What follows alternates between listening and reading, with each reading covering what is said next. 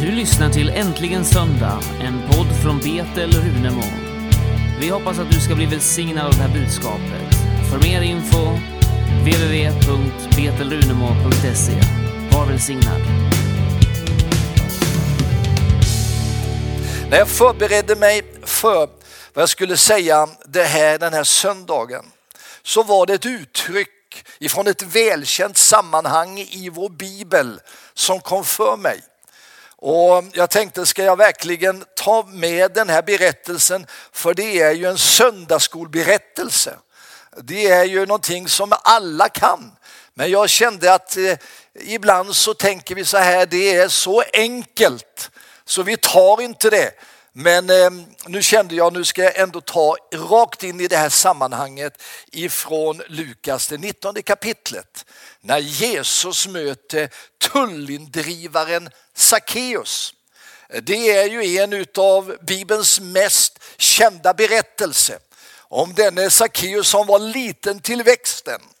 Och när Jesus kom vägen igenom staden Jeriko då var det ett sånt stort följe som följde med Jesus att eh, Sackeus kände att han behövde klättra upp i ett träd, ett mullbärsfikonträd för att se Jesus.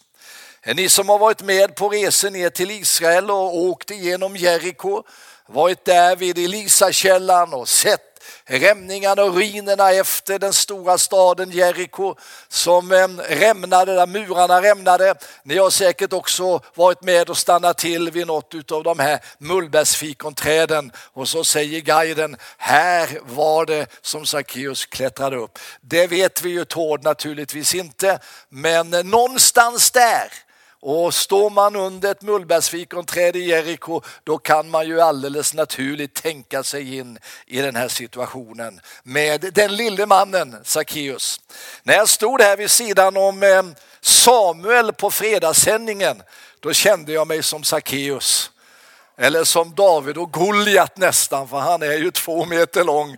Och Anna-Britt som var väldigt vad liten du såg ut på tv när du stod tillsammans med Samuel. Han är ju som en jätte jämförelse med mig. Och Sackeus han kanske var ännu mindre än mig.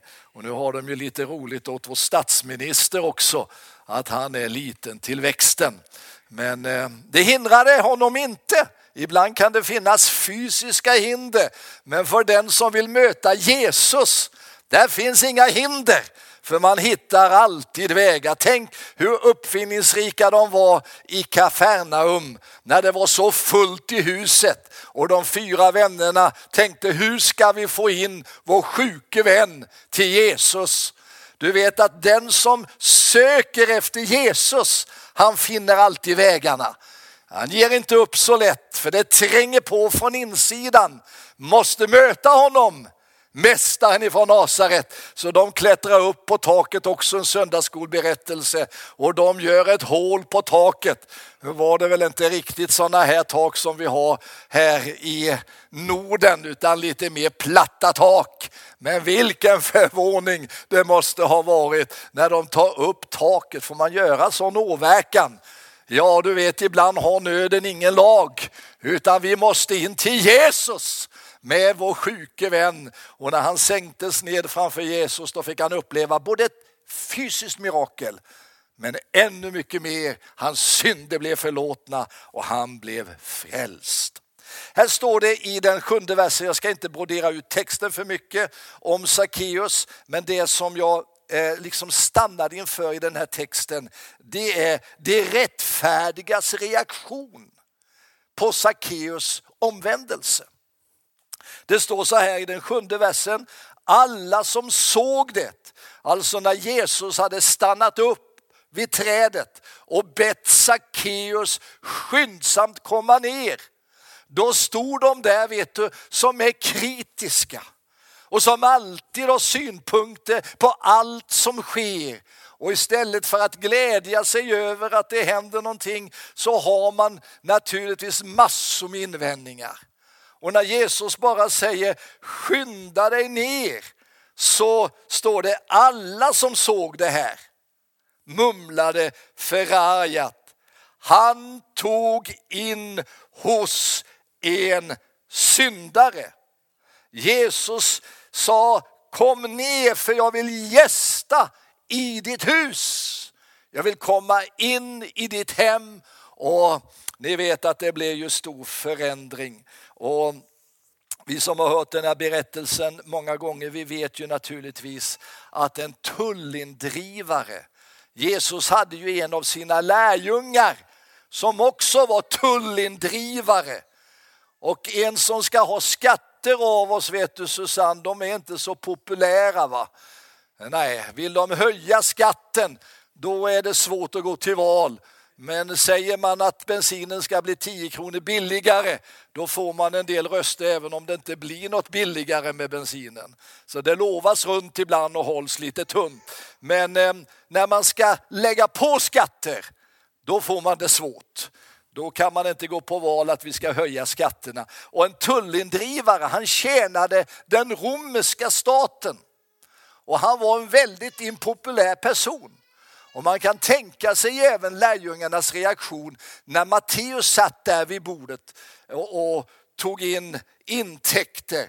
Han eh, liksom hade ju samarbetat med romarna och man hade lagt på de som livnärde sig av fisket vid den galileiska sjön en massa extra skatter. Så man kan ju tänka sig när Jesus kommer där med Petrus och Johannes och Jakob och alla de andra och sen, ja men han som hela tiden plågar oss. Han har ju hela fackföreningen emot sig. Och så stannar Jesus vid eh, Levis bord och så säger han följ mig. Och så står det, han följde Jesus. Han lämnade allt och följde Jesus. Och jag tänkte när jag läste den där texten, han hade ju ett arbete. Han hade ju förmodligen ett kontrakt med romarna att han skulle utföra det här Gör man så? Man har ju en uppsägningstid nu om, om eh, eh, Kristina eh, ska säga upp sig på Torsbergsskolan. Då har du ju minst tre månaders uppsägningstid. kan ju inte bara gå till rektorn och säga nu slutar jag idag för nu vill jag ut och känna Jesus och resa världen runt och predika evangelium. Utan du får säga att om tre månader sticker jag iväg. Va? Men på en gång följde han Jesus. Det finns ingenting i livet vänner som är viktigare än att lyssna till Jesus. Innebär det inte naturligtvis att du på en gång ska avsluta ditt arbete omedelbart. Men i den kontexten vi läser om förstår vi det måste ha varit revolutionerande. En tullindrivare, en syndare som var föraktad av de flesta. Han ställer sig upp och följer Jesus. Och nu kommer Jesus till den här tullindrivaren också. Det är framförallt tre saker som jag tänker på i den här texten. Och det är att den, oj nu rasade alltihop i köket. Hoppas att det fungerar när vi ska dit efteråt. Den som man tror är längst borta ifrån frälsningen är ibland den som står närmast Gud. Så tänker man att ja, den där han är nog en riktig, han är nära. Man kan vara väldigt hård och vinna. Men ibland är det som att människor sätter upp sådana här äh, skyddsbarriärer. Jag vet Rosie brukar ofta nämna det när vi haft våra cellgrupper äh, om några som försökte ställa henne mot väggen ofta i skolan. Men äh, jag minns också de i skolan som var lite tuffast mot mig och ställde en massa frågor. De var närmast Guds rike. Var närmast Guds rike. Det var en kille jag minns när jag hade börjat på gymnasiet. Han var helt otrolig att vara på mig varje dag. Jag vet inte ungdom om ni har några sådana i skolan. Här är de väl gudfruktiga allihop kanske i Hälsinglands, små, eh, Hälsinglands Jerusalem. Men där nere hade jag en kille. Han var ny på gymnasiet. Jag hade aldrig haft honom tidigare under högstadiet och han skulle göra livet svårt för mig och ställa mot väggen. Och sen hade det ju gått ett Maranata-möte också på tvn och han visste ju vilket sammanhang jag var med i och han hade ju sett det där. Va? Det var ju något så fruktansvärt så jag fick ju klä skott för allt det som hade skett där. Va? Tänka sig så fruktansvärt och han stod där predikanten och skulle be för hans ögon och flickan som stod där och grät det är ju något fruktansvärt. Fick höra allt det där. Va? Men så kom han en morgon så sa han du David det var en sån märklig dröm jag hade här i natt. Jag drömde att det var som en stege rest emot himlen. Och så såg jag att du var på väg emot himlen. Och jag försökte hela tiden komma efter dig. Men jag bara ramlade ner hela tiden. Och jag vaknade upp och det var som en mardröm för mig. Så det är Gud som talar till dig. Det är Gud som talar till dig och från den dagen var han alltid snäll emot mig. Du vet att eh, Gud kan göra under i människors liv. Vi ska tänka på det i vardagslivet om vi har släktingar, syskon, vänner, grannar som vi tänker oss är långt borta ifrån Guds rike. De kanske är närmare Guds rike än vad du kan tänka dig. Ibland behövs det inte så där väldigt mycket och man behöver inte göra till sina vittnesbörd utan ta de där små givna tillfällena som Gud kan ge oss på olika sätt. Jag sa till en det var i veckan när jag nämnde det på Böneberget. Jag knackade på dörren här eh, i torsdags eller i onsdags var det nog. Det var en försäljare som stod utanför dörren och, och Anna-Britt tyckte han var så fin så han eh, såg ut som han kunde komma ifrån eh, ett fint håll. Hon var lik dig förresten Isaac, så Anna-Britt sa till honom, fin som dig, Anna sa, är du en brobergare? sa han till honom. Nej, jag är från Gävle, jag är en försäljare av elavtal, sa han. Och du vet, normalt sett så brukar jag säga så här att ja, men jag är inte intresserad, jag har redan ett bra elavtal. Men jag vet inte, det var som jag sa, kom in här, det är ju så kallt ute. Vi ska eh, be Anna-Britt att hon sätter på en kopp kaffe så sätter vi oss ner här så får du visa din produkt. Nu hörde ju till saken att jag hade ett elbolag som jag tycker hade lurat mig lite så jag var ju lite intresserad att byta. Och eh, så hade jag en tavla på väggen som eh, min svärfar Holger, han är ju lite, var ju lite målare och konstnär och det är en bild på när Jesus kom in i Lazarus hem. Och så satt jag där så tänkte jag mitt i allt det här, jag, jag sa till honom, du jag, jag tar ditt elavtal sa jag. Nej, nej, nej, vänta lite, jag måste ju visa dig alla fördelarna. Ja, det gör inte så mycket sa jag. jag. Jag tror de ligger ungefär samma allihop och är det någon krona billigare så kan jag lika väl ta ditt avtal. Om jag måste visa dig först här eh, hur det står till. Men så sa du, den här tavlan jag har på väggen här, vad tror du att den föreställer, sa jag. Så tittade han. Ja, det ser ut som Jesus, sa han. Jag tänkte bara få honom att säga Jesus så är det någon bekännelse i det. Va? Det är som det blir en atmosfär av Guds närvaro när man bara säger Jesus. Så jag, den där tavlan, sa jag, den föreställer när Jesus kom in i ett hem. Och den här Lazarus, en del tror att det kanske är en saga, sa jag till honom, men han var död och han blev uppväckt av Jesus.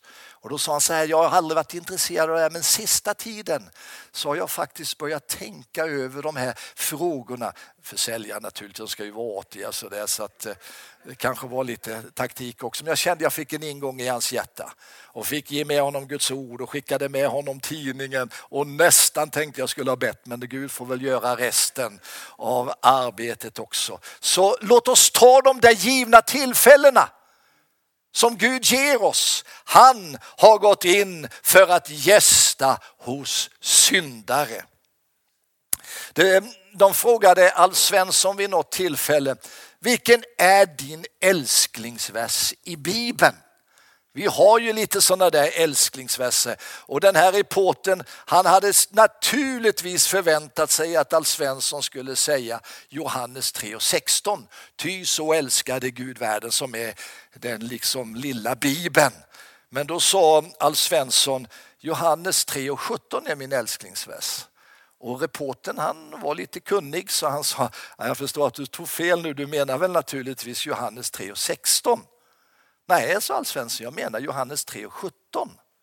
Ty icke sände Gud sin son i världen för att döma världen, utan för att världen skulle bli frälst genom honom. Du vet, en del har den bilden av Gud, att han är en dömande Gud. Han är en hård Gud. Men den här bibelversen talar om Gud sände sin son inte för att döma världen utan för att världen skulle bli frälst genom honom. Den andra saken vi lär oss av texten i Lukas, det 19 kapitlet, det är att ingen kan gömma sig för Gud. Han ser rakt igenom oss människor. Genomskådade, dock och älskade var ett uttryck som Sven Lidman ofta använde i sina predikningar. Han ser igenom oss. Ja, ni kanske tycker det att David som står här i predikstolen, han är en väldigt gudfruktig man. Ja, det hoppas jag att jag är, men jag har mina sidor också. Han kan bli lite sur och lite irriterad ibland. Det blir ju aldrig ni, för ni är ju underbara, men jag blir det ibland. Finns sidor som vi liksom gärna inte vill ska finnas där, som vi kanske döljer. Men tänk att för Gud kan ingenting döljas. Han vet om våra avigsidor. Ja. Han berättade här, vår iranske vän som Samuel så fint intervjuade här. Ehm, eh, jag minns inte riktigt vad han heter nu, men som var med på tv-programmet i fredags. Kom du ihåg? Nej, han är, det är ett iranskt namn, så, men han är ju ordförande för Korskyrkan i Gävle. Har ju fantastisk omvändelsehistoria. Har ni inte hört den där fina intervjun så titta på den på Facebook. Fantastiskt vittnesbörd om hans väg till Gud. Men han berättade här för oss att han var i Israel och du vet är man iranier och kommer till Israel. Han var med Göran på en resa där och han, han Ja, först när de hade varit i Petra så höll han ju knappt på att komma tillbaka till Israel. De var oförskämda mot honom. Sen när han skulle åka ut ur Israel, då hamnade han med en eh, israelisk kvinna som satt där och skulle gå igenom hans papper. Och hon var så oförskämd emot honom. Helt otroligt. Så han sa, du kan väl åtminstone vara trevlig när du ställer dina frågor. Men hon blev mycket otrevlig och sa, då tappade jag tålamodet, sa han. Då kunde jag inte hålla mig. Jag blev så arg och förlorade mitt tålamod. Ja, sånt kan hända ibland med oss, men tänk att vi genomskådar, genomskådade men dock älskade. Han vet om våra svagheter. Men när vi kommer till honom i ödmjukhet och tacksamhet, då förlåter han oss. Jag vet inte, Sackeus gick väl inte upp i trädet egentligen för att gömma sig bland alla löven. För han gick ju upp för han ville se Jesus. Så det var ju en öppning dit till honom. Men även om det är så att vi försöker gömma oss så vet Gud om allting. En av de mest kraftfulla berättelserna om det här det är ju konung David som försökte gömma sin synd. Han hade varit otrogen emot sin hustru, väldigt dumt gjort av honom. Skäms lite att vi har en sån bra kung i gamla testamentet som kunde göra en sån ful sak. Va? Och inte bara det, när hon inte ville gå med på hans sätt att dölja sin synd såg han till att hennes man dog i striden. Han som var så trogen mot David och som kunde ge sitt liv för kungen. Men skandalen måste döljas på alla sätt. Så han anade en slug plan till dess att profeten kom, sänd ifrån Herren och sa till David, du jag har en liknelse. Det var en rik man som hade mycket boskap. Han hade massor med få och kreatur. Men så kom en vandrare längs vägen, en främling och han ville, eller främling kanske var någon han kände, så ville han tillreda en måltid men han ändes inte ta sitt eget lamm. Så hans granne, han var fattig och han hade bara ett lamm och han slaktade det istället för att ta av sina egna. Vad tycker du kung David man ska göra med en sån person? Ja, det är något fruktansvärt, sa kungen. Hur kan man bete sig på det viset? Han borde avrättas omedelbart. Och så säger kung, eh, profeten till David, du är den mannen. Du är den mannen. Jag tänker det ibland när vi har lite lätt att ha synpunkter på varandra, kanske döma varandra för att ja, vi har gjort något fel eller vi är lite olika. Så tänker jag så här att Gud sätter fingret emot vårt eget liv. Här ska vi rensa i första hand. Jag sa det till mina afrikanska vänner, de var så upprörda här över olika saker och företeelser i vår värld. Och det kan vi vara. Vi kan vara upprörda av olika saker. Men ibland har jag sett att man kan dölja både sin egen omoral, man kan dölja sin sitt egen girighet mitt i den andliga kampen så kan man ha stora brister i sitt liv men man har väldigt lätt att döma de som är där utanför men inte ser sin egen synd. Gud hjälper oss vänner, genomskådade av han som känner oss alla. Älskad av honom. Han älskar alla syndare, han älskar oss, inte på grund av våra brister men trots våra brister. Sen lär ju oss den här texten, om jag nu får gå ner för landning, vi ska snart in i nattvarden, att en omvändelse tar sig alltid praktiska uttryck. Det märks när man blir frälst. Det ska bli skillnad i ens liv när man har mött Jesus. Och blir det ingen skillnad, då undrar jag om det är Jesus man har mött. Man kanske har mött en ny religion, man kanske har mött en ny filosofi, man kanske har kommit in i en ny kyrka. Men har man mött Jesus, då ska det bli en förändring i ens liv. Då ska det märkas på ett sätt att tala. Jag var inte gammal när jag var, blev frälst. Jag brukar vittna om det ibland, men jag kände att jag var en syndare. Och jag sprang in till min far så liten jag var. Jag hade lärt mig en massa fula svordomar om mina kompisar. Jag hade aldrig reflekterat direkt över att det var fel. Men en dag så kom det till mitt samvete. Så kände jag det här att åberopa djävulen och svordomar. Det skadar min inre själ. Jag sprang in till min far och jag sa, pappa be för mig, jag vill bli frälst. Pappa kunde ju ha sagt att det inte begriper du det där lille David. Men far sa, vi går på knäna sa pappa. Och så lägger vi oss här. Jag minns den där platsen så liten jag var. Därför att någonting skedde i mitt liv. Jesus kom in i mitt liv. Han hade ju naturligtvis säkert funnits där tidigare men på ett speciellt sätt. Och jag kan markera den dagen som en förändring. Sen den dagen har jag aldrig svurit i hela mitt liv.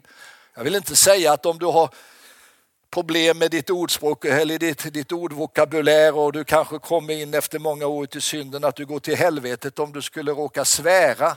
Men för mig blev det på något alldeles speciellt sätt aldrig ett sånt ord över mina läppar. Och det hände en gång vid skolan när jag växte upp att några av våra kompisar de skulle göra det surt för den där pingstgrabben. De skulle få honom att svära. Så de tog mig i skogskanten i huset som vi bodde fanns en liten skog. Och så tog de tag i mig och så brottade de ner mig och så sa de David svär nu sa de. Nej jag svär inte sa jag. Och så fick jag ett slag och så sa de svär. Nej jag svär inte sa jag.